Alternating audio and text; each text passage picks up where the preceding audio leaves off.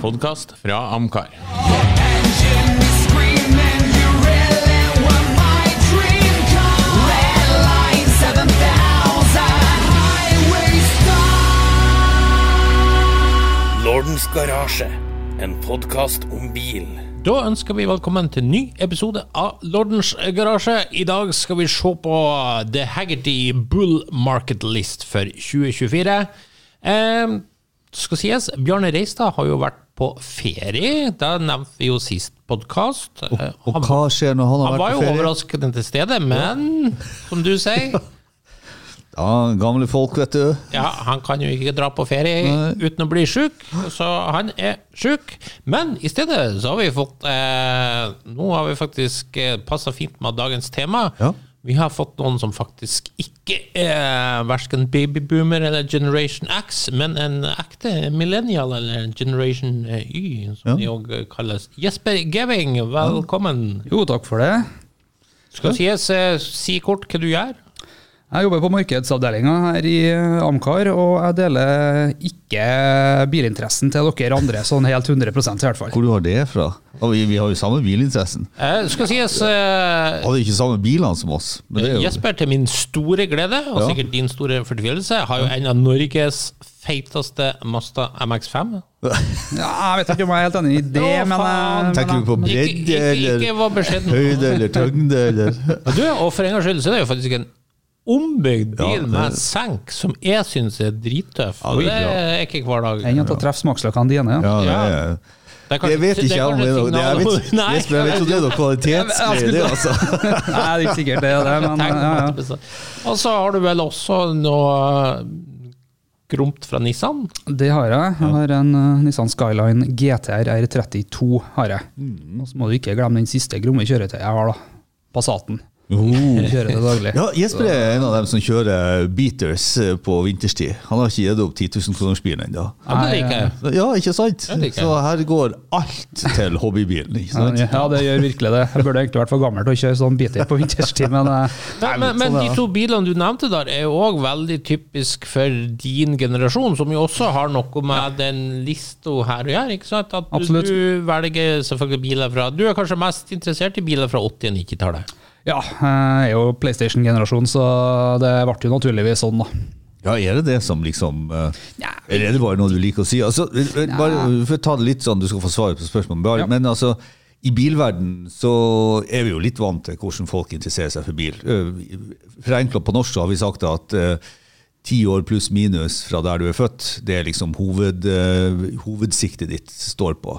Eh, Men i, i, Norge følger jo bilverden for øvrig, så vi har jo da altså dem som er altså pre- pre-krig, 45 og nyere, eh, 45 og eldre. De som er født før 45, så har vi dem fra 45 til 65 ca., som jo er oss. Eh, Vi kaller oss Ja, du, takk, ikke pakk meg inn i den kategorien Unnskyld. 65 til 80 er jo Generation X. Ja, det er meg. sant? Millennium. Så det er Ja. oss. Eh, Jeg er født i 65, og du er et par år senere. ikke sant? Eh, Og så har vi Y, som vi sa. 1980 og oppover. Og så har vi Z, som begynner å Ja, de komme. trenger vi ikke bry oss med. Jo, men det er faktisk interessant, for jeg hadde bare lyst til å nevne det i den her på huset, altså på Amcar, så har vi alle fire generasjonene enda i jobb.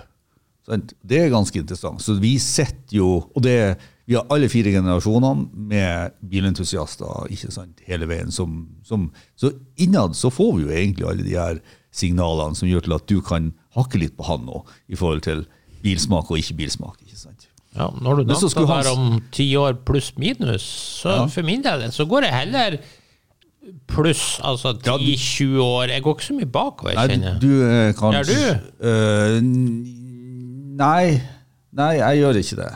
Nei, ikke sant? jeg gjør ikke det. Det er ikke du heller. Du går ikke til å se bakover. Nei, ikke sånn kjempe, nei, men jeg ser jo at bilinteressen min starter litt på sent 70-tall, sånn eh, egentlig, for det meste. Altså, ja, men det stemmer det. jo med når du er født òg. Ja, det, jo, det gjør sikkert det. Ja, det er jo ti år tilbake. Nå, nå bekrefter jeg kanskje Vi er jo ikke kvinnfolk, så vi, vi kan godt si du er født i 88, 88, ja. ikke sant? Ja. Så det er klart, da starta han sent 70. Og det er veldig sånn typisk.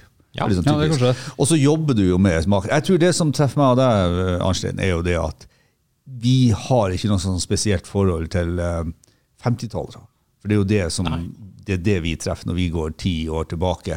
Og det er jo en periode som den er ikke sånn like it or leave it, men altså, det er jo veldig teatralske, kunstneriske, det er mye staffasje og sånne ting. Jeg, jeg tror vi er mer på sånn bare bone cars. Vi ser litt gjennom utseendet. Derfor har vi jo en rar smak noen ganger, for at er biler som ikke nødvendigvis er fine, men som vi allikevel liker. Mens 50-tallsbiler er jo veldig fine.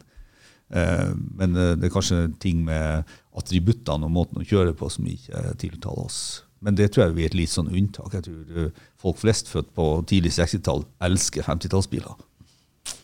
Ja, kanskje hvis de er født på tidlig 60-tall, men så tror jeg det detter fort. Jeg husker alle de er vokst opp på 50-tallet. Nei. Nei.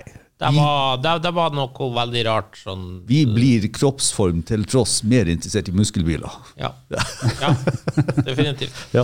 Eh, vi kan gå inn på disse to, og så først eh, si Ja, superkort, eh, Ove. Hva er Haggerty? For de er jo blitt sånn Ja. eh, verdensledende i det her med å spå markedet og lese markedet. Ja, altså Mye av det de kom med spå er, jo, spå er jo basert på fakta her. Ja, det er jo det. Eh, Det er jo ikke en indisk spåmann som er kontakta.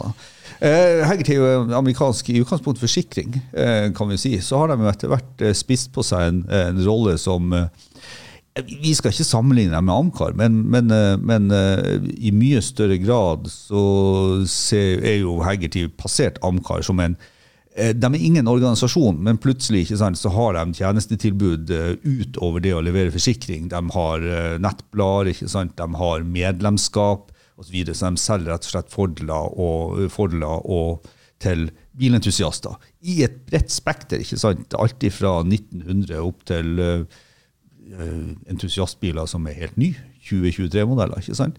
Eh, Men primært rundt forsikring. Og når det kommer rundt forsikring, så er det jo mye mer eh, det er jo et mye større marked de opererer i. De opererer jo både i Nord-Amerika og Europa, ikke i Norge. Eh, Og de får jo veldig mye statistikk å basere seg på. Og de jobber jo også tett med de store auksjonshusene osv., så, videre, så de får, de får egentlig ja, mye kjøtt på beinet i å kunne si hva er markedet og hva er ikke markedet. Og så har de eventuelt utvida, så de er jo også der vi er på underholdning. sant, Med blader og nettartikler osv. osv. Ja. Så, men, Konkursutstillinger er det jo òg involvert ja, i. og ikke bare konkurs. De har jo noe som er ganske artig i England. Det er jo, kaller man, kaller man det for uh, FOTU. Uh, altså, altså det er Festival of the Unexceptional. Yes. Og det er jo ganske artig. de har de hatt seks-syv på rad. Og det er bare for å forklare kort. Helt ordinære biler, de som sto i parkeringsplassen uh, når du var guttunge. ikke sant? Ja. Uh, Lemons vil noen kalle det for, og Autoshite vil noen kalle det. Ja. Så de, de er over hele linja. Så for å si det sånn, det, de har virkelig tyngde til å kunne uttale seg om uh, biler og hva som kommer til å skje i markedet. Og deres bull market list er jo en litt sånn artig måte å vise det her er ti entusiastbiler du bør kjøpe nå. De er flinke til å finne ti litt ulike biler. De er flinke til å finne biler som er i litt ulike prisklasser. Og så er ikke tanken, og det understreker de alltid, det her er ikke noe som du skal kjøpe, og så er du millionær ved utgangen av året. Men det er noe gøyal bil du kan kose deg med, og når eh, du har hatt den et år eller to, så ja, vil du neppe selge den med tap, for å si det sånn. Ja, hvis jeg skal legge til en kommentar så, si- på det der, så sier de jo ofte det vi også kan jo si når vi blir forespurt sånne ting som det her. Det er i hvert fall biler som vi ser ikke har en sånn stor risiko for verdifall.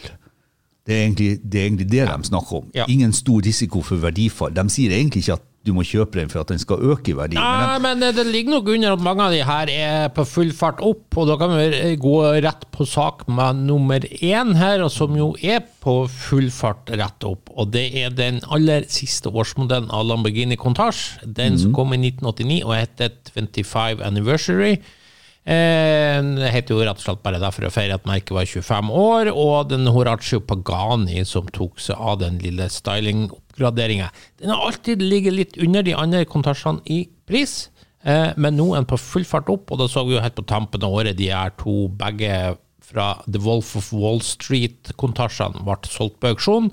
Skal sies vraket ble jo ikke solgt, men gikk opp til 1,35 millioner dollar, mens den andre hele komplette bilen ble solgt for 1,6 1,65 millioner dollar, og det er jo rekord for en kontasj på auksjon. Så det er jo ikke noe tvil om at denne anniversaryen, den er Hva du tror om den, eh, Jesper?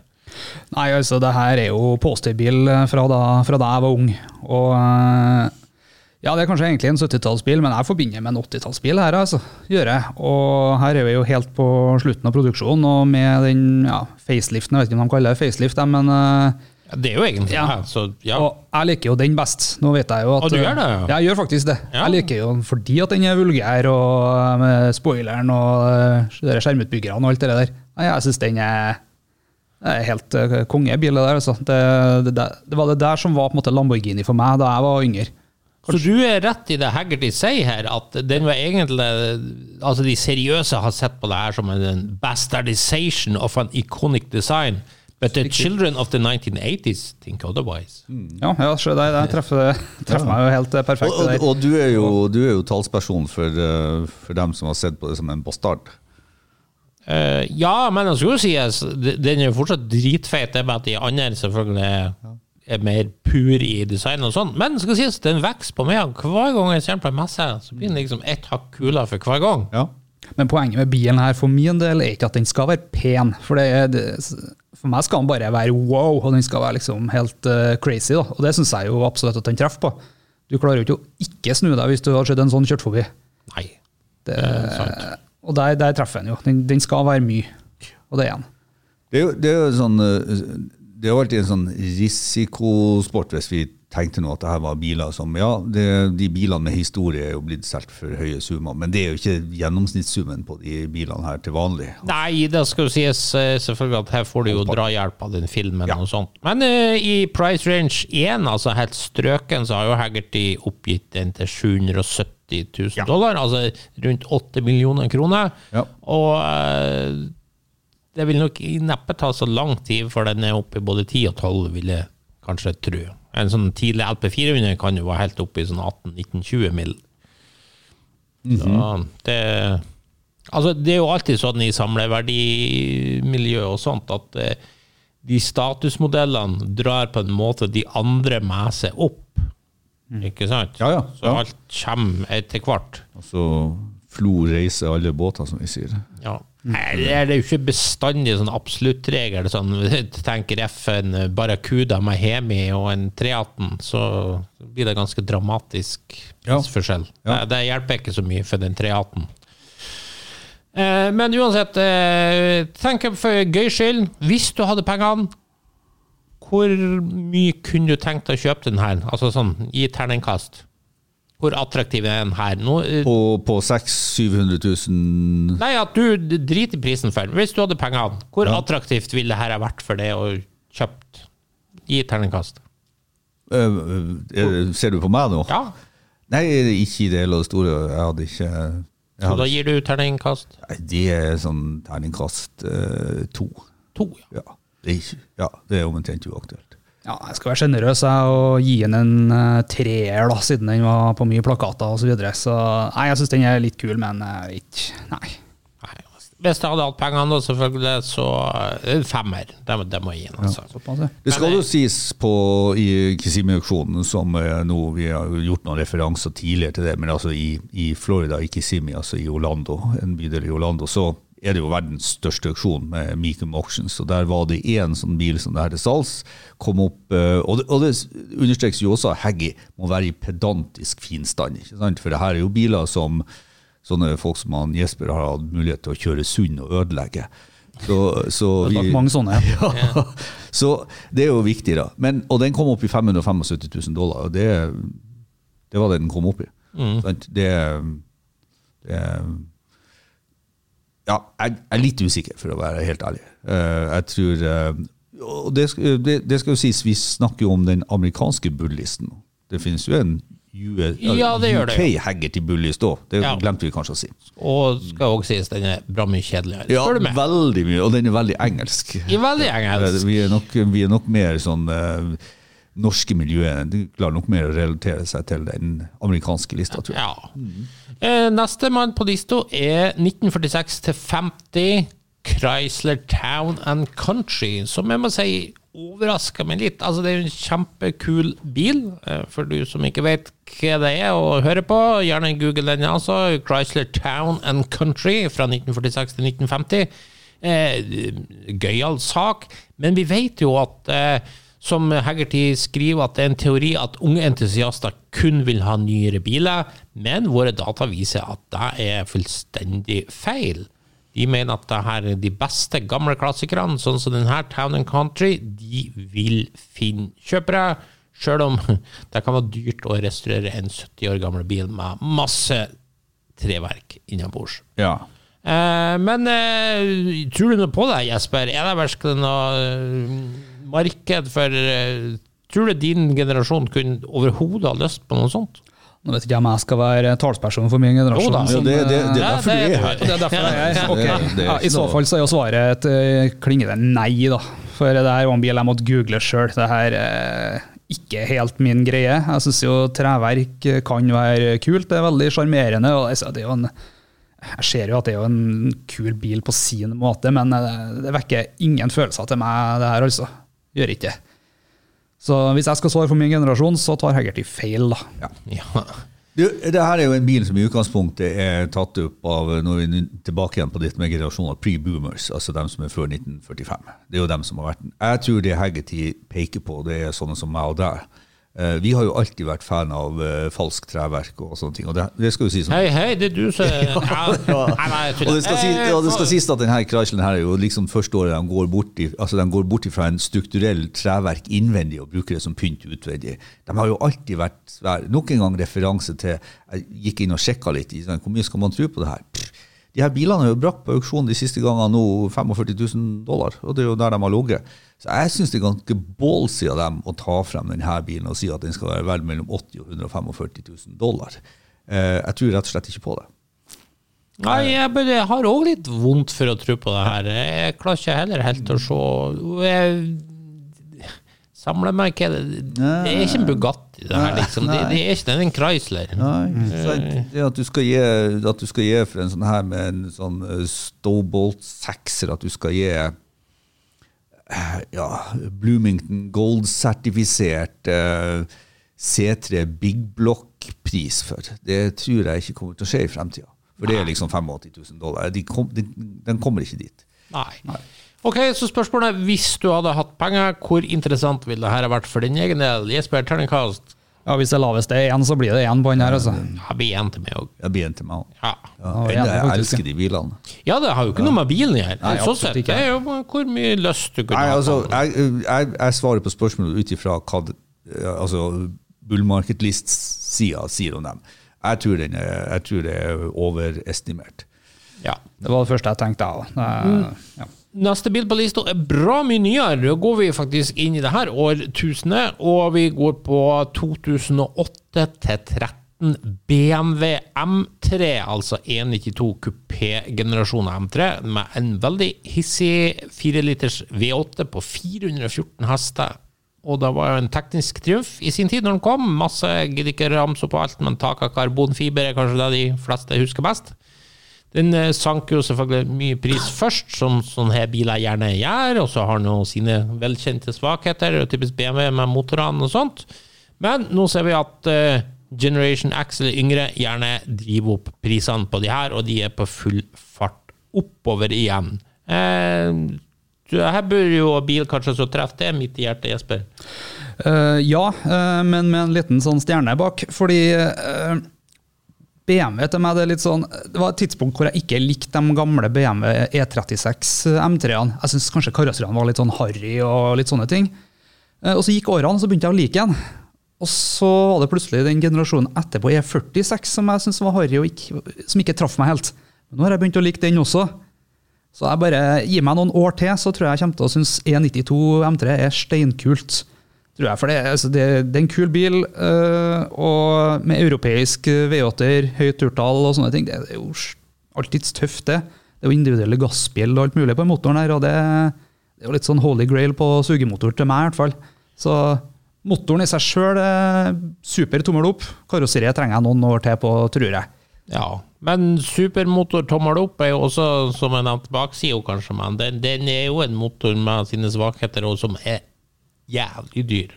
Og- Ja, det, det tror jeg på. Eh, jeg gjør det. Dette er en av få M3-ene jeg ikke har prøvd sjøl. Men eh, jeg har veldig lyst til å prøve en sånn her bil. Altså. Det Tror jeg kommer til å like det godt. Ja. Ove, du sitter og rynker på leppa her. Ja, nei, altså, jeg, altså Vi begynner jo å nærme oss opp i eh, Vi begynner å nærme oss opp i Når vi snakker om dyrt å ha, så begynner vi jo Det begynner jo Når du begynner å bikke sånn 2008-2010, nesten uansett high performance-bil, så begynner det å bli ganske sånn skummelt å ha. For all del, det her gjelder jo ikke bare BMW. Nei, nei, nei. For all del. Eh, Jeg har jo steintrua på denne BMW-en, for å være helt ærlig. Som, du, som Jesper er inne på, det er en sugemotor eh, V8. Eh, Det er også Vi er jo bare tre-fire år unna eh, min personlige mening, der M3-en For den kommer jo med, med turbo 6-er, eh, den neste generasjonen, ikke sant? eh, og så begynner han å få lydbegrensning, så begynner han å få masse automatiserte førersystemer som du ikke kan slå ordentlig av, osv. Så, videre, og så, videre. så jeg tror jo at E92-en er kanskje Ja, altså jeg er litt med på, jeg er litt med på det at det her er kanskje den M3-en som eh, vi kommer til å se størst etterspørsel etter om ti år.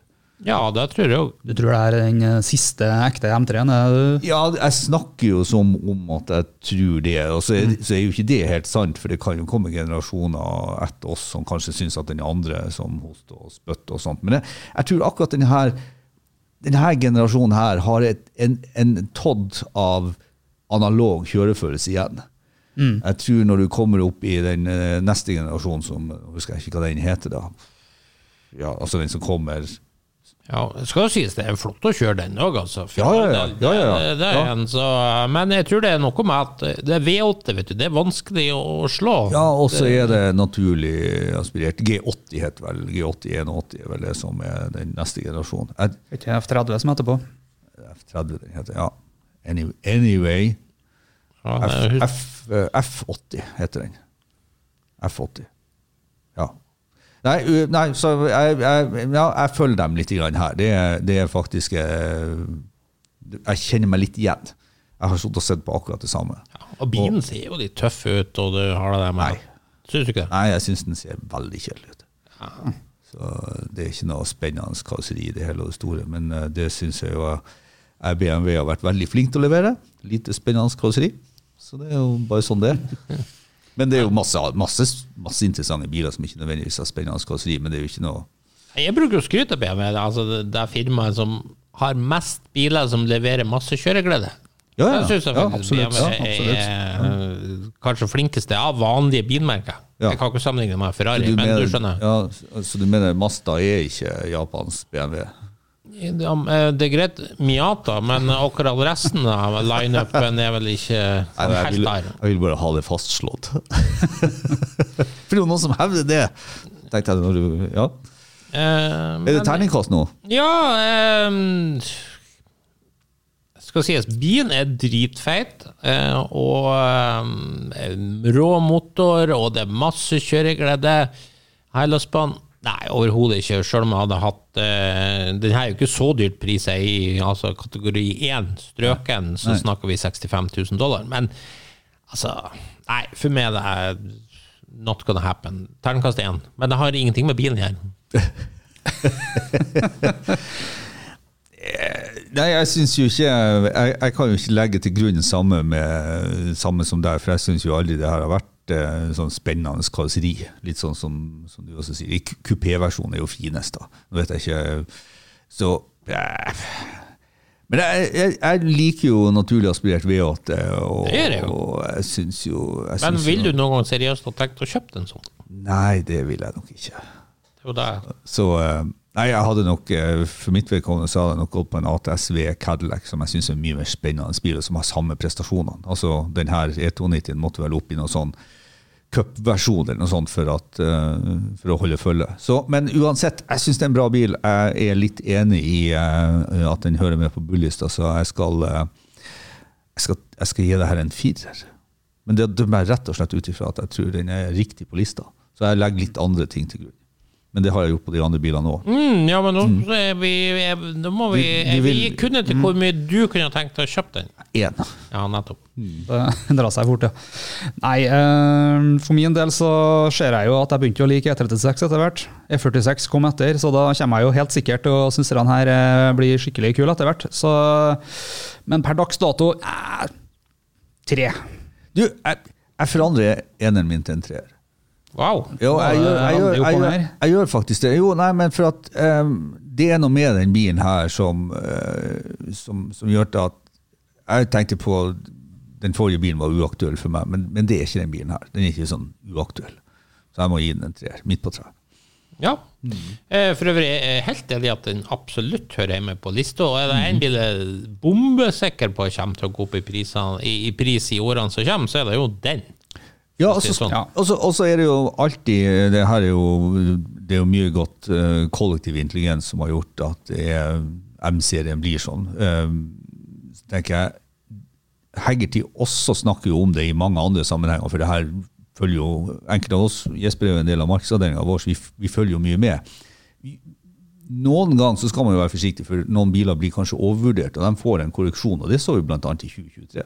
Det er noen biler som har fått en korreksjon. Ja. Det skjer jo Så, alltid. så eh, At markedet retter seg på enkelte biler. ja, så for det om vi syns enkelte ting er jæskla bra, kanskje undervurdert, så har det en sånn tendens til at når han først, først popper, så popper han for høyt for å så korrigere seg. Men nå er vi inne på litt sånn teknisk. Ja. Bare for å ha sagt at vi, man skal være klar over det også. Det, det, det er ikke bare å renne til, for det Sky er ikke det limit uansett, eh, selv om bilene øker i verdi. Det er sant. Neste på lista er 1997 til 1999 Mitsubishi Pajero Evolution. Og det er jo en bil som jeg vil tro ganske mange der ute har glemt. Det er en sånn eh, JDM-hyllest til Mitsubishi sin mangeårige dominanse i Paris-Dakar. Så det er rett og slett en homologeringsversjon, 2500 stykk, måtte lages for å kunne kjøre i den produksjonsbaserte klassen i Paris-Dakar. Så det her er absolutt ikke en trøtt, vanlig Pajero. Under panseret 276 hesters versjon av Mitsubishis 3,5 liters V6. Hjuloppheng er helt annerledes enn vanlig Pajero. Skidplater, Recaro-sete, kvikkere styring, bla, bla, bla. Så det her er ganske gromme saker, egentlig. Alltid vært sterkt ettertrakta i Japan, selvfølgelig, for da skjønner man ikke det her er. Men resten av verden skjønner vel egentlig ikke helt en- dere her er. Men så kommer vi inn på de her millennials-generasjonen. De har nemlig ofte fått med seg denne saken fra diverse gamingspill. Og dermed så eh, er det òg en interesse for deg i Vesten. Så eh, Jesper, hadde du hørt om denne bilen før eh, Eller hadde du overhodet tenkt på denne bilen før du så denne lista? Absolutt. Det er faktisk ikke så veldig lenge siden jeg satt og kikka på prisene på den her på nett, for jeg, det her er så utrolig kult. Jeg elsker hvor stutt bilen er, og med de hornene nærmest den har bak. Jeg, Jeg syns det her er skikkelig, skikkelig kult. Hvor, hvor du først eh, støtte på den, var det i Det var på PlayStation, vet du. ja, Gran Turismo? Nei. Jeg er litt usikker på hvilket spill det der var, men La meg spørre, Ja. er, det, er det der du får et forhold til eh, Fikk du samme forhold til en bowler? Altså en sånn Land Rover med V8?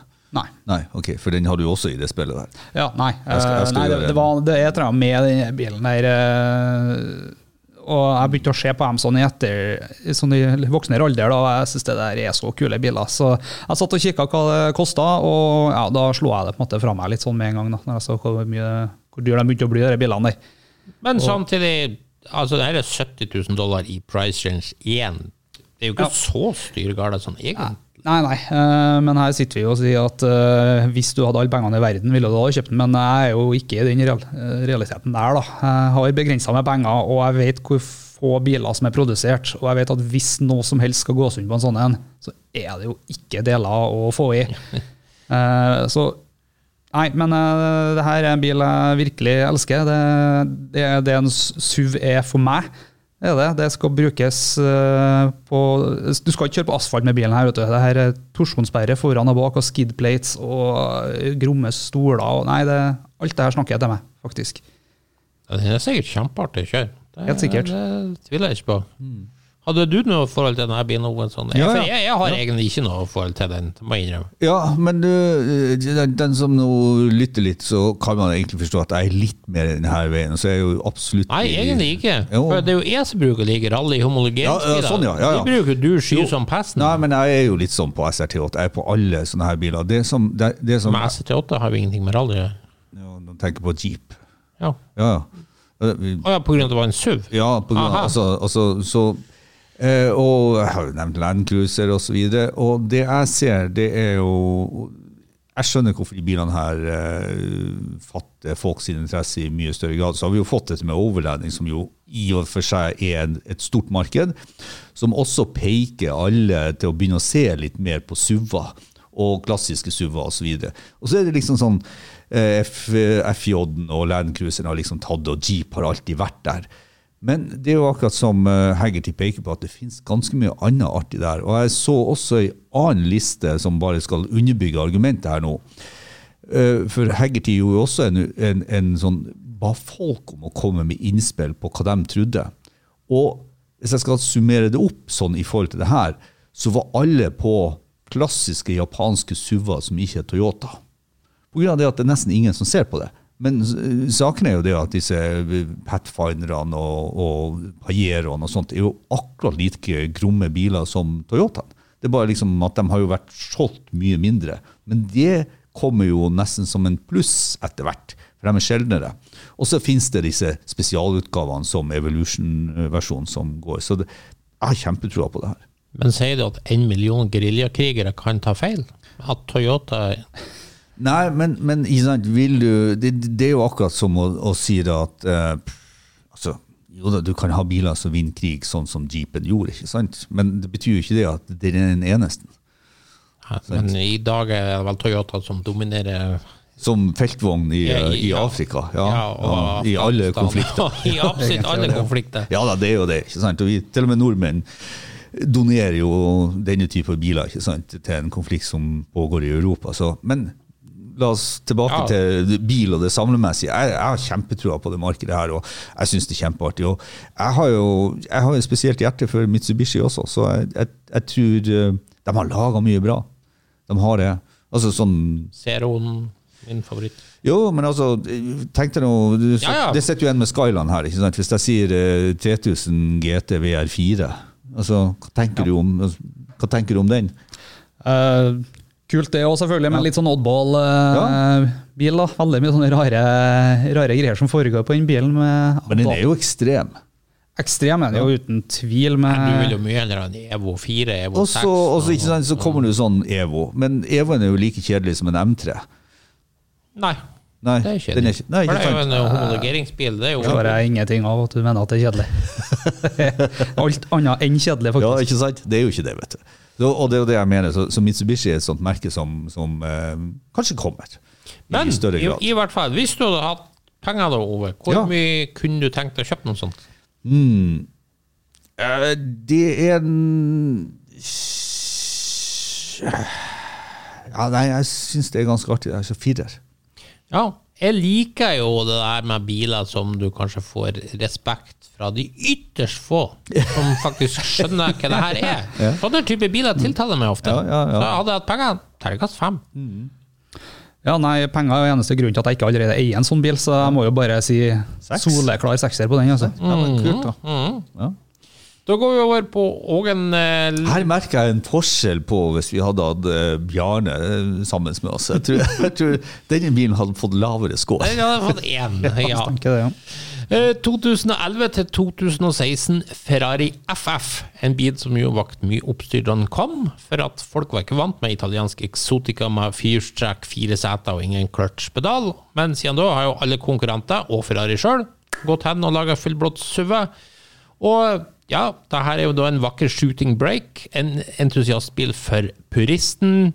Selvpustende V12. 651 hester, faktisk. Eh, Så det her er en ganske heavy sak. Den er fortsatt så ny at den fortsatt detter i pris, men kan nå kjøpes i strøken tilstand for under 150 000 dollar, noe som er halv pris av ny. Og Haggerty tror at bilen vil tiltrekke seg Generation X og yngre kjøpere, som kanskje tenker at det her er en Ferrari som faktisk eh, til og med kan bruke og har en viss praktisk verdi. De mener, mener de ikke det at de vil tiltrekke seg generasjonen Z og Y? Altså, Eh, X er jo meg og deg. Ja, men det er fortsatt vi som er peak power vet du, på, Ja. på inntektssida, men eh, Generation X og yngre kjøpere, kan du si. Ja, ja. Ja. ja. Altså, jeg tror Ja. For det er klart, eh, den her er jo for mye finere enn den Ferrarien du bruker å, stå og mase om. Den her 612. Ja, ja, altså, nei, Så du nå har slutta for det var et eller annet du ble skuffet over? Ja, ja, ja. Men eh, alle som Du vet jo sjøl, for eh, to juler siden så gjorde jeg shout-out til denne bilen. Og FF-en Gud, det hadde jeg glemt. Ja, jo, det, ikke sant. Så har jeg dratt rundt og sett på en sånn? Ja. Eh, tar jeg litt kred for at jeg har sett det her tidligere? Eh, det kan jo lytterne avgjøre sjøl, men det her, er her er jo en bil jeg går og ser etter. Det er jo en, så det er, jeg har ikke fått med meg. vi- Ruben er det vi- er 612 du har masa om. ja, det er jo samme. Altså 612, 599 FF. eh, Det skjer jo en stor endring. Så jeg har jo- vært litt på 599 også, men eh, etter å ha kjørt den med den singelkløtsjen, så husker jeg hvordan 360 var, så tenkte jeg uff, det her skal jeg ikke ha. Så nå er siktet mitt på FF-en igjen. Ja. Ja, det- jeg syns det er en flott bil. Og, Og, er hadde man hatt råd, så var det GTC 4-en også, Lussoen, som jo er si, den neste generasjonen Nei, jeg liker FF. faktisk den. Ja, jeg liker også den her. Faktisk. Jeg liker den, ikke sant. jeg var nede i Italia og kjørte når den kom. Jeg syns det var helt Ja. deilig bil å kjøre, og jeg syns den ser smashing ut. Jeg liker sånne shooting breaks. Ja da, den er en oddball. Det, det man aldri vet med Ferrari som har fire seter, det er hvordan vei høna sparker. For det er en sånn, det er en sånn um, Nok en gang må jeg spørre deg om navnet på det sverdet som alltid henger over deg. Som mokler Damoklesverd. ikke sant? Ja. Det henger alltid et sånt sverd over en fireseters Ferrari. Du vet aldri Plutselig så er det bare rock bottom. Men Ja da, da skal jeg si så om vi nevnte utgiften til en BMW M3, ja, kunne bety Så det er liksom masse ferger som firehjulsdrift med drivaksel gjennom bunnpanna. Kjempelurt. Not. Men det er masse artig og spennende med den bilen her. Og så skal det jo sies at jeg, altså Ferrari har jo fått et kvalitetsløft i forhold til å ikke være en genuin dritbil. Vi snakka vel om det forrige podkast, der liksom til slutt så begynte han å bruke noe kamkje og reime som holder osv. Men det til sies. Konklusjonen min seks. Ja, nå har dere snakka om hvor fin den bilen er, og jeg syns ikke den er fin i hele tatt. Nei. Synes ikke. Bare, Eh, bare vent. Det er jo litt interessant at du som den yngste her det, det, det, ja, her- nei, det, Hva er det som første- er problemet? Blir det for for- gubbete? Blir det Nei, Nei, altså, shooting break kan kanskje være kult, men akkurat på den her så ser jeg egentlig bare en ultraslik Audi A3 med langt panser. Det er egentlig det jeg ser. Så nei, det her Jesus Panser er jo like langt som A3-en. Ja, det var derfor jeg sa skikkelig langt panser. nei, jeg, er Ferrari generelt noe du ikke nei, jeg liker Ferrari kjempegodt. Gjør det. Gjør jeg. Jeg, jeg gjør det. Så før 360-en så er jeg helt uh, om bord, jeg, altså. Ja. Ja. Eh, så det liker jeg. Men Før moderne 360. Før, ja. Ja, men etter 360 så detter du av.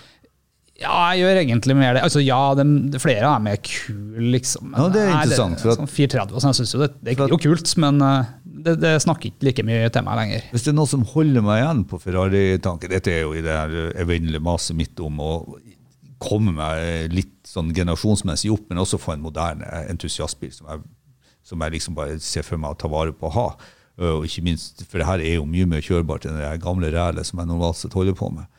Men noe av det som har holdt meg litt tilbake på Ferrari, det er jo liksom Er Ferrari i ferd med å Det høres jo litt rart ut. Kanskje sier jeg det her for tidlig. Hvem vet? er de i ferd med å mestre det litt. Altså når, når en som er født uh, på Jespers tid, eh, er mer interessert i de tidlige Ferrariene, som jo liksom er erklært, så stemmer det litt med det jeg sier. For at det skjer noe med eierne og merket og viben og sånt i forhold til meg som er sånn på entusiastsida. Det er nesten blir litt sånn Ja, du er inne på at du liker rare ting. Jeg syns det blir for kommersialisert. Det er jo kommersialisert. Men hvorfor Du prater jo alltid om Jeg, jeg skjønner ikke helt ja. hvorfor blir du tiltrukket Du reklamerer jo alltid for Cadillac CTS V Ja, ja, og sånt, som jo i- finnes i stasjonsvogn. Hvorfor vil du ikke heller ha det? Nei, nei, for det, det er mange årsaker. Eh, Hvis, hvis Cadillac hadde levert V12, så hadde for eksempel vært mye Ja, men du er jo med V8-mann. Jo, jo, men altså en CTSV eller sånn stasjonsvogn, det ville mer ha vært istedenfor, som jeg nevnte, istedenfor M3. Så det er, det er jo en helt annen type bil. Det er jo en helt, en helt annen biltype for meg. Altså, Jeg klarer ikke helt Nei, men, men for meg for, for, for at i utgangspunktet så er det jo den en, en CTS er jo en bil du har i oppkjørselen din, og så finnes det en uhyre tøff og spennende versjon av det, som liksom er en sånn boks i veggen, eller boks i kupé, om du vil. Mens det her er jo mer en sånn uh, type Grand Tourer, med helt andre attributter, etter min mening. Okay. Mye Ja. mer teknisk interessant også. ZSV-en er jo sånn slegge av en bil, men ATSV-en syns jeg er litt mer sofistikert, men ZSV-en er sånn slegge. Du ga terningkast seks. Du gir terningkast Nei, Med tanke på at det er en sånn entusiastbil som liksom skal kunne brukes til alt, da nei, det er ikke min greie. Jeg liker litt mer eh, rene Ikke at det er litt mer ubrukbart. Ja, jeg gjør det, for jeg vil jo selvfølgelig kjøre Passaten på vinterstid uansett. Ja, ja, Jeg vil ikke kjøre den her. Nei, eh, for meg så blir det her en toer. Vi Yes. får to fordi at det er V12-er uten turbo. Og det trekker opp, altså. Nei, jeg hadde hatt pengene, så Ja, nei, firer. Jeg må gi det. Flott bil. Flott bil. Så har vi 2000 til 2005 Jaguar XKR, og da er det selvfølgelig da kompressorutgaven av XK8 vi prater om. Eh, En bil som fikk mye skryt i sin tid. 4 liters eh, åtter på 290 hester, femtrinns ZF-kasse. Eh, Fikk jo til modellåret 2000 kompressor, effekten nå 370 hester. Just look at Jaguars XKR, it's sex on wheels, skrev Car and Driver. Så her får du både komfort og sporty kjøreegenskaper. Jaguar er jo et merke som generelt sett aldri bruker å stå så høyt i pris, sånn sett, men Haggerty tror at det her eh, vil komme til å gå opp, og av enkel grunn power and price. Det vil si at du får den ganske rimelig, sjøl i price range 1, altså helt superstrøken. 38 000 dollar. Og da vil jeg også si med de kreftene der, så får du liksom Det er mye, det er mye entusiastbil for pengene. Det er vel det de prøver å si, egentlig. Hva du tenker om det, Jesper? Nei, de har sikkert rett i at det er mye entusiastspill for eh, pengene, eh, men eh, jeg ser jo at her har de jo tatt for seg kabrioleten. Og det er noe rart med proporsjonene her, syns jeg altså. Det ser nesten ut som en sånn NB Mazda MX5 som man bare har ja, dratt ut, eh, egentlig. Jeg synes den, er så, den blir så rund, det ser ut som et båtskrog, nesten. Ja, fair enough. Men eh, bare for å spørre, eh, det kan vi jo konstatere med en gang. Mange på din generasjon er jo gjerne ikke noe cab-folk, og det er den enkle grunnen at jeg har jo gjerne med alder å gjøre. Man blir kanskje mer glad i åpne biler når man begynner å bli gubbe, for å si det sånn. Men du har jo en Miata, så det Jeg har det, og jeg har eid den i sikkert åtte år nå. Jeg har tatt av taket tre ganger på den.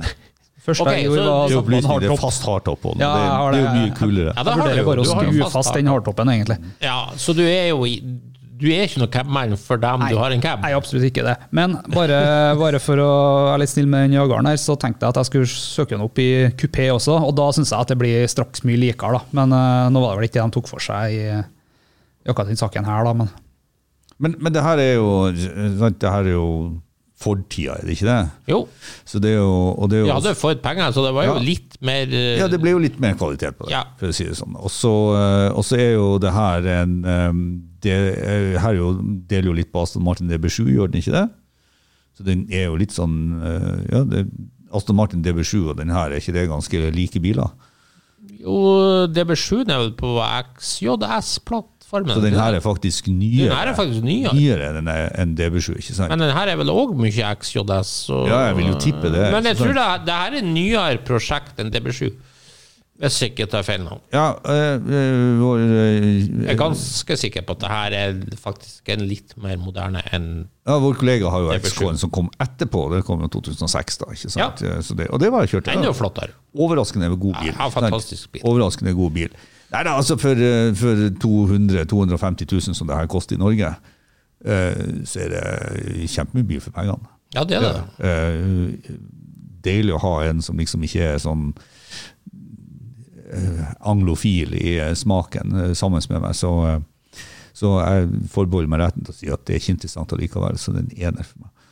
Ja, så bang for your bucks, det hjelper ikke. Du, du vil heller ha en åpen korvette. Ja, ja, helt klart. Ja, en, en C5 hadde du Jesper, vel ville fått du for den. heller ha en eh, åpen Corvette istedenfor en åpen Jaguar? ja, 100 faktisk. Nettopp. Så det er litt deilig. En C5-korvette, da? Ja. Ja. Ja. Spiller ingen rolle nesten hvilken korvett du sier. ja. Ja, nei, det blir jo Jaguaren any day of the week. Ikke sant? Jeg får litt bare- ordentlig treverk som beroliger Ja, meg ja, ja. Og sauhold som er i ferd med å gå i oppløsning. Har dere sett den plastvinylen deres og kos dere mens Ja, ja, ja. det knerker på alle kanter? Det fins mye fint i plast nå. Ikke og motorlyden, så det er fint. ja. Men i hvert fall eh, Nei, jeg tenker Kan jeg si først, at som er så positiv, som alltid? uh, det her er jo absolutt billig, jeg kunne tenke meg, for, for at de er så billige. Du Ja. får det i Norge òg, på Finn, er veldig Ja, det er som jeg sier, 200 250 000, ikke sant? Så det Ja. nesten billigere i Norge enn i England. Ja, Det er sekser for min del, sånn sett. Det, Ja, nei, Når de eh, koster det de gjør, så skjønner jeg jo hvorfor folk eh, kjøper dem og vil ha dem. Men eh, her var spørsmålet om vi hadde penger og noe object. Nei, det er helt uinteressant for min del. Jeg blir nok en ener. Ja. ja. Og så tror jeg det er en grunn til at Jeg vet ikke hvorfor den havner på den lista her i det hele og store. Så nei, her er det nok Her er det nok Det her er nok for dem som, som har Yorkshire pudding som livrett. Så det, nei, det er ikke noe for meg. Ja. Eh, Så går vi tilbake til 60-tallet, faktisk. 1965 til 69. Chevrolet Impala SS. Her er vi fjerde generasjon Impala. Og litt av grunnen til at de har fremhevet her, er at her får du amerikanske muskler til en vettug pris. Eh, vi vet jo alle at de klassiske, de tøffe muskelbilene, de koster jo flesk, rett og slett. Og for de litt yngre som kommer til, så nytter det ikke å drømme om en Hemi Challenge eller noe sånt. Det, det toget er gått for lenge siden. Men her kan du få masse power til en fortsatt rimelig pris. Faktisk price, range 1 så opererer de med 44 000 dollar. Og vi snakka jo om 427-motorer på toppen. Altså, da var jo et myriade motorer her. Men på toppen så kan du i hvert fall få masse ulike 427-motorer. Siste modellåret er en 454. Så her får du virkelig enormt med bunndrag, rett og slett, i jeg vil kalle det en sleeper-pakke. Ja. Um, ja, altså For mitt vedkommende så er det en, jeg tror det er en grunn til at de her bilene ikke tar av uh, mer enn det de har gjort. For at du Det er altfor stort skrog. Og når jeg bruker skrog, sant, så er vi mer på båtsida enn på bilsida. Så det hjelper ikke å putte masse motor nedi den. For at hvis du sammenligner den da med ponycars eller A-bodyene, som bare for å bruke et begrep på de bilene som er hakket mindre her, som eh, i GM-sammenheng ville ha vært eh, GTO og Chevelle og den type biler, så er de ikke like raskt rett frem heller. Nei, det blir jo ikke. Og enda, enda mindre glad i bøy på veien. Men du fokuserer på feil nå, tenker jeg. Ja, oh, ja. det er helt svampebob sånn, eh, sånn, når det gjelder mjuk og krenging og alt sånt. Og nei, den er ikke heller så rask frem. Nei. Men så var det med prisen, da. Fordi du nevner kosta jo Ja, tre. Ja, men Du ser jo hva som har ramma disse fullsizerne, som egentlig har, uh, har, lite, eh, har lite personlighet i seg. Eh, det finnes andre fullsizere, kanskje både fra GM og Ford og Chrysler, som har mer personlighet med seg. Jeg, jeg tror det er litt sånn lack of personality, som på norsk vil Det mangler litt personlighet i bilene. De blir litt upersonlige. Jeg har prøvd dem, og de er, ja, det er sånn, litt sånn paradoks og litt artig. Men tror jeg det at, jeg det at Jesper generasjon og, og de som er enda yngre enn han her, kommer til å synes det her er noe artig? Nei, kommer bare til å synes det er rart. Og en, en sånn her jeg og deg synes det er artig å snakke om en sånn med vinylbenk og rattsleiv ikke sant? og 427 med 400 hester. De synes, det, de synes det er nesten like teit som en Chrysler Town Country med treverk på utsida. Så nei, jeg, jeg har rett og slett ikke sånn Ja, den er billig. Det er det eneste du kan si. Ja, for øvrig, helt enig i alt du sa. For jeg syns òg den mangler personlighet. Ja, det, det, det- det, det er jo bare en helt vanlig personbil med en stor motor. Ja, That's it. det Ja, da kan jeg, Jesper, ikke du tenker om noe sånt? Nei, jeg tenker at dere tar feil. tenker jeg. For Jeg synes jo den her egentlig eller, jeg, skal ikke, jeg kan kanskje ikke sånn dritmye om akkurat den bilen her, da, men eh, jeg syns egentlig at de er ganske kule, og i kølsvart så blir de jo litt sånn eh, gangster, egentlig. Så jeg syns egentlig at de kan være ganske kule, med fire lykter foran og litt sånn spiss i snuten. Ja. Nei, eh, men, nei, men som dere sier, de er jo store og svampebob, da, så Men sånn som cruisebil, ja. ja. Cruise med kompisene, liksom? ja. eller? Jeg er kanskje mer der da enn dragbil, da. Ja, ikke sant, for vi forbinder motorutrustning og sånt. Men øh, sånn som du sier nå, så kan jeg fortelle deg at du, du kunne ikke ta, altså Du hadde kommet bedre ut av det med en 300 hesters 327, da, for han letter i fronten. ikke sant? Ja, det er det. Bare- Helt sikkert. Men, men dere, øh, hvis jeg kan få lov å bruke det uttrykket, dere har et ganske sånn, øh, det er et sånt fenomen som jeg har merka meg. Jeg vet om du er en del av det. Mm. Men det er når det kommer til fireårsbiler, så er dere egentlig eh, Hva dere kaller det for? Dere kaller det for eh, Man kaller det ikke for sedan, man kaller det for Eh, dere har et sånt spesielt navn på fireårsbiler. Ja, nå er jeg spent. Ja, nei, for at Fest, festbrakke? Nei, nei, nei, for vi kaller det det for drosje og sexy og sånt. Men, men veldig mange har eh, Salong er jo den Ja, salong, ja. Ja. Salongbiler. Ja. Og de har jo sansen for salongbiler, mens eh, jeg må bare være så ærlig og si det at det meste i firedørs er ødelagt for meg. Det er veldig Jeg, jeg jobber jo ennå med meg sjøl med hvilken firedørsbil vil jeg egentlig ha. Um, det er Jeg er heller ikke noe sånn særlig på fire Nei, vi nevnte jo forrige gang, eh, men eh, sant, en av de firehjulsbilene jeg kunne tenke meg, er jo uoppnåelig. ikke sant? Eh, En, en viss eh, 375 Ja, slags ja, 4 fra Sveits. ikke sant? Det, det kommer jeg jo aldri til å få. Nei, men, men liksom, jeg, skal jeg ha noe? Det, det, jeg vet ikke hva, men stemmer på salongbiler. Og det, for det her er jo en salongbil. Det er det, ja, det er det jo egentlig, men eh, som det så treffer en kanskje ikke sånn kjempegodt allikevel. da. Eh, Salongbiler, da skal det være firkanta tyske eh, Ja, ikke sant, så- det er det som på en måte treffer, da. Så Lazy Boys-salong er liksom ikke Nei, ikke, ikke, ikke helt. Men jeg tror det her blir en sånn bil som for min generasjon Folk kikker på den, nikker, syns det er tøft, men ender ikke opp med å kjøpe det sjøl. Nei. Nei, jeg ser det. Eh, Vi gir ternekast fort. Ja, Det er ikke helt uaktuelt for meg, det er det ikke, så jeg skal gi det en, eh, jeg skal gi det en toer. Ja, jeg gir den en ener. Jeg blir to på meg. Ja. Neste, vi må bare pause på. Jeep CG8 Scrambler 1981 til 1986. Det er egentlig en Jeep eh, CJ7 som parer med en pickup truck. Og så får du altså den her, som eh, gir det lengre akselavstand og liksom mer nytteverdi. Eh, ganske undermotorisert sak, men tøft Tonkatoy design. Eh, Ronald Reagan hadde en. Eh, Mange hadde en. ja da, Ja. men uh, har vi all mest famous owner. Ja. Eh, prisrange 1, 52 000 dollar. Og vi vet jo at Hot Rod, eh, en god del offroad-biler, mener har økt i verdi siste årene, som du har vært inne på. Og her er jo en som eh, de mener kan fortsette den trenden.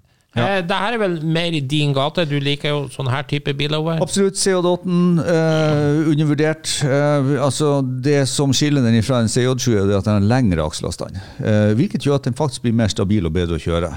Og de drar jo frem noe som eh, vi så vidt var inne på i Mitsubishi eh, Pajero-diskusjonen også. altså Interessen fra yngre kjøpere. Det, det er litt sånn, sånn offroader som makes sense. Men jeg tror det er en generell økende interesse for det her. Og så, denne bilen får du jo da enten med telt hele veien, altså canvas som du kan kneppe av og på. Du kan jo også få den med et sånt korttak som gjør til at eh, Akkurat sånn som du gjorde med Land Roverne. ikke sant? Du på mange måter kan sette et korttak og ha den som en toseter og pickup osv. Jeg tror denne dualismen i den bilen, og det at den er sånn motorisert svak Ja, det er jo den 4,2-literen. Den kom vel faktisk aldri med innsprøytning. Eh, Nei, gjorde ikke det. 4,2 liter. Men det er adekvat denne bilen. Den har ikke kjøreegenskaper til veldig veldig masse. Den er, og den er litt mer komfortabel enn en CJ7 og gir litt, derfor litt mer mening. Så ja, absolutt. Ja, du gir terningkast. Eh, Her er en skremler kunne jeg virkelig ha tenkt meg, så det er femmer. Ja. Uh, Jeep 1 til 1945 er jeg ikke så fan av, så det blir en ener for meg. Oi, Du det har, hardt. du har 41 til 45, liksom. Ja, det, det, det er, okay, jeg har Ja. sagt før, intet bilmerke har starta bedre enn Jeep. Nei, ikke sant. Nei, jeg, jeg syns den, den er kul. Uh, spesielt hvis du får av taket og har en feit eh, veltebøyle. Da er den kul. Uh, lite motor snakker dere om, det spiller ikke noen rolle på en sånn bil, tenker jeg. Nei, heller ikke. Eh, ikke noe fartsmaskin uansett, så nei, den der ser helt rett i min bok. Så nei, jeg skal få en, for en treer. Treer. Ja. Da har vi en 60 60-tallsbil til. eh, 1964 til 66 Ford Thunderbird.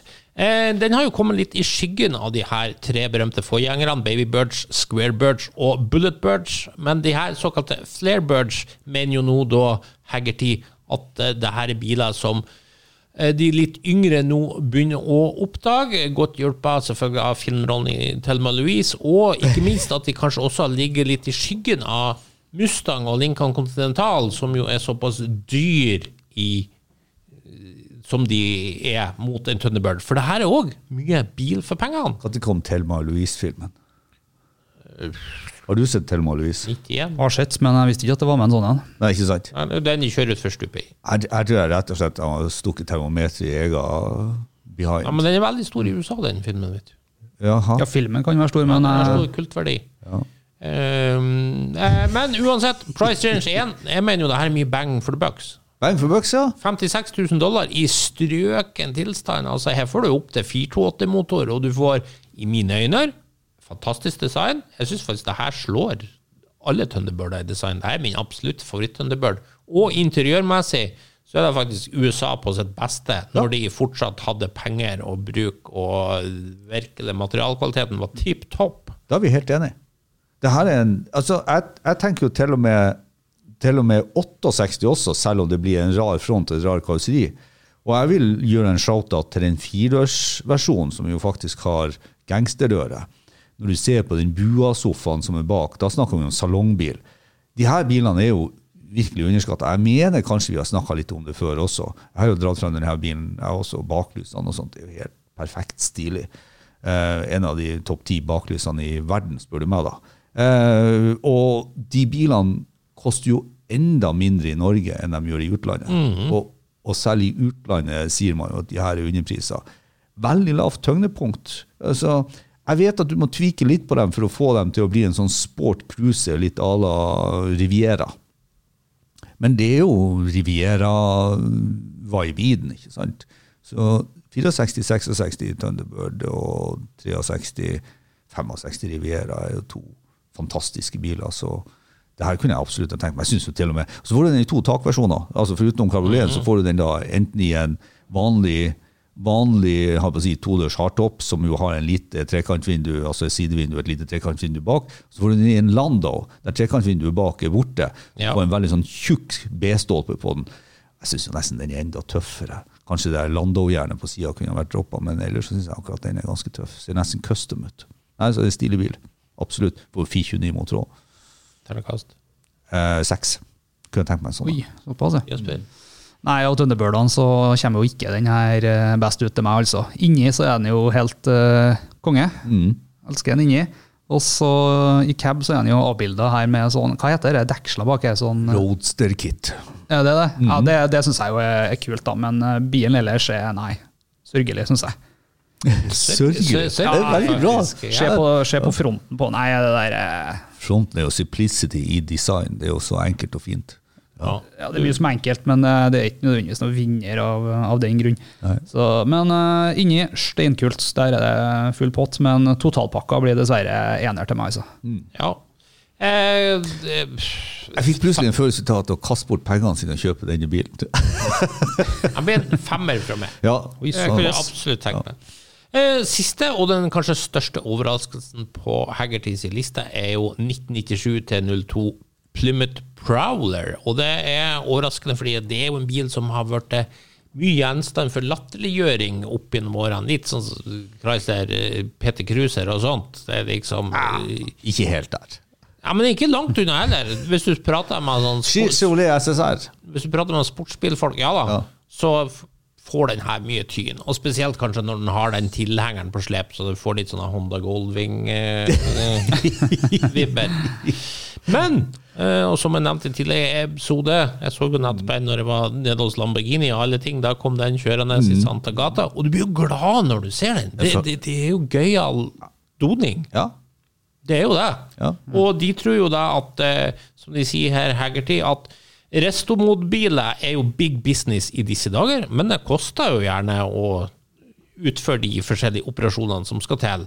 Men her mener jeg at det er bare snakk om tid før entusiaster oppdaga Prowleren, som jo egentlig er en fabrikkbygd restomod på en latterlig lav pris. Og de har den i strøken tilstand til 45 000 dollar. Ja. Eh, Jesper, det er midt i blinken for det, eller? Ja, kanskje ikke helt midt i blinken, men i det havet av nitriste biler som kom rundt 2000-årsskiftet, så skal de virkelig få et poeng for at de gjorde noe som var helt annerledes. Det, det skal han få poeng for. Eh, Det er vel sikkert et forsøk på å lage en sånn moderne hotrod. Der, og, ja, det treffer kanskje ikke sånn kjempegodt til meg, men eh, jeg klarer ikke å gi tommelen ned til dem som tør å prøve noe veldig annerledes. da. Så, men det blir nok en terningkast to for min del. Altså. Det blir for sært og for rart eh, for min del.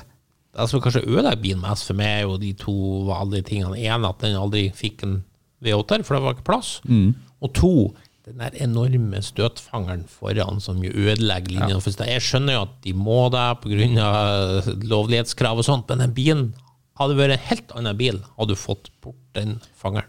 Og du er jo sånn vaksinert mot eh, For du får jo kjøpt du får jo kjøpt et sånn eh, delete-kit som koster bare noen få dollar. ikke sant? For du skal jo stort sett bare skru av den fangeren. Det er jo ikke lov, da, men, men altså, du skal skru av den fangeren. Men det er jo du imot. For det er jo modifisering. Ja, men det var noe mer at det var helt ulovlig. Ja, ja, ja. ja, ja ok. Ja, Jeg kan jo ikke drive og skru av og, og da tror jeg du har gitt egentlig nøkkelordet i forhold til at en hotroder, han er jo da, han er jo da litt ulovlig. Ikke sant? Han er opportunistisk og gjør gjerne litt sånne eh, vågale ting. Og det betyr jo det at den bilen treffer jo ikke den gruppa. Restomod tror jeg handler mye mer om det klassiske utseendet og mye mer prestasjoner enn det denne bilen har. Så jeg er ikke helt enig i deres eh, vurdering om hvorfor. Og når jeg sier om hvorfor, så er det sånn at jeg er ikke uenig i at denne bilen her skal på lista. Men for meg så er Plymouth Prowler blitt litt som AMC og AMX. Alle tenker å, den der er jo sånn fun faktor-bil som det bare var noen få ut av, eh, på, som Jesper sier, ellers i tid, som ganske sånn nitrist i forhold til hva man lager. For det er jo det. Det er jo en bil som når du er på, på fabrikken, og så ser du i Italia, den kommer kjørende, så blir du glad. Det finnes noen sånne biler som er laga, og, og Plymouth Prowler er en av dem. Men det blir liksom ikke Dessverre, jeg tror han får stempelet som not the real deal. Uh, men nei, jeg, jeg er litt usikker. Uh, veldig mange har jo kjøpt dem nå og samla på dem for at de tenkte at de her kommer til å bli mye mer verdt. Og det er derfor jeg sammenligner med AMC AMX. Den har jo ikke blitt det. Nei, men eh, da har jeg egentlig på en måte aldri forstått det. For menn er jo UAC og AMC AMX drittøff. Ja. Og den går jo fælt òg, når du får Ja. en 390 og Ja, og det gjør ikke en Prowler. Den går ikke fælt. Nei, den gjør ikke det. Nei. Men den er ganske morsom å kjøre. Jeg har kjørt flere, og den er ganske behagelig å kjøre. Den er begrensa med plass. Det blir ikke noe langtursbil sånn sett. Da må du på Goldwing-utstyret, som du sier. Eh, Det er spesielt, det her. Og det, det, det er egentlig like, jeg, jeg tror det er egentlig like sært som å eie som å se på. Jeg tror du må være veldig der. Men jeg syns, jeg, jeg syns fremdeles det er kanskje eh, relativt lavt priser i forhold til at det er mye spesielt i det. Så eh, jeg, jeg klarer ikke helt å Er det noen bil jeg ville hatt? Retorisk spurt? Nei, faktisk ikke. Så terningkast Igjen. Ja. Jeg blir kjempeglad når jeg ser en, men kommer jeg noen gang til å kjøpe en? Eh, nei. Så det blir en eh, terningkast én her òg. Eh, hvis vi da avslutter, så oppsummer. Jesper, hvilken bil ville du kjøpt hadde du hatt pengene?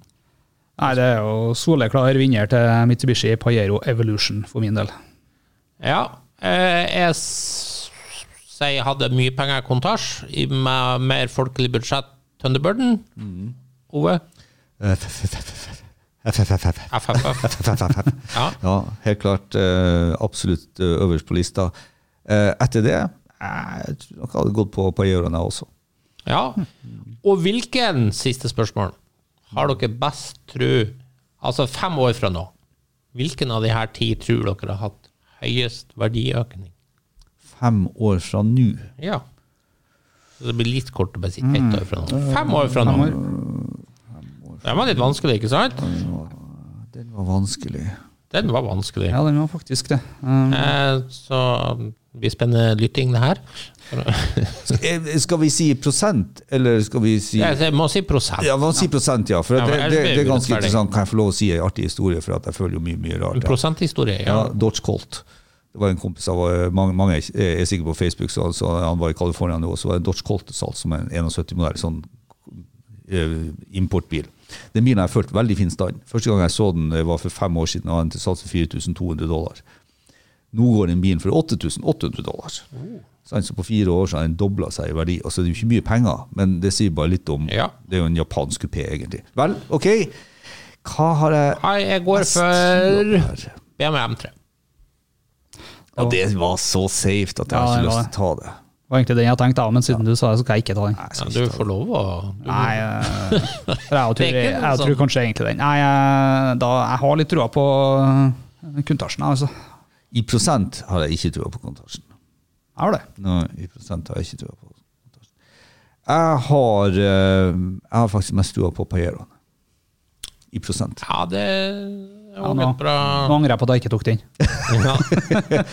Nei, jeg tror, for jeg tror det markedet der har vi ennå ikke sett slutten på. For at hvis du ser nå på en sånn generasjon to som er 63 og nyere, 88 Land Rover, som fort begynner å nærme seg en mill nå i England. Sant? Når du tenker på hva du får på en sånn Pajero Evolution som skal koste ja, I dag koster de 350, 350 kanskje. Eh, jeg tror den skal doble seg på fem år. Ja, det kan godt hende. Eh, Dette er for øvrig et veldig spennende tema, som vi håper dere òg har satt pris på. Og vi kommer til å gå litt mer i dybden på Hegertid. Vi kommer til å se litt på trender, litt hva som skjedde i markedet, og hva de ser for seg kan skje, rett og slett. Så det blir veldig det vet jo vi også litt om. Så det, for det, det jobber jo vi òg med, hvis jeg skal lage en parallell mellom oss og Hegertid som en avslutning. Så er jo vi også der at vi ser mye på hva som skjer på det norske markedet, og analyserer. Ja. ja, men da sier vi takk for i dag. Da takker vi av for denne gangen. Hvis du likte det du hørte på, gjerne gi oss en eh, femstjerner på iTunes. Ellers følg med på Refuel for masse spennende bilstoff. Og husk at du kan nå oss på Facebook-sidene både til Lordens Garasje og Refuel. May the force be with you.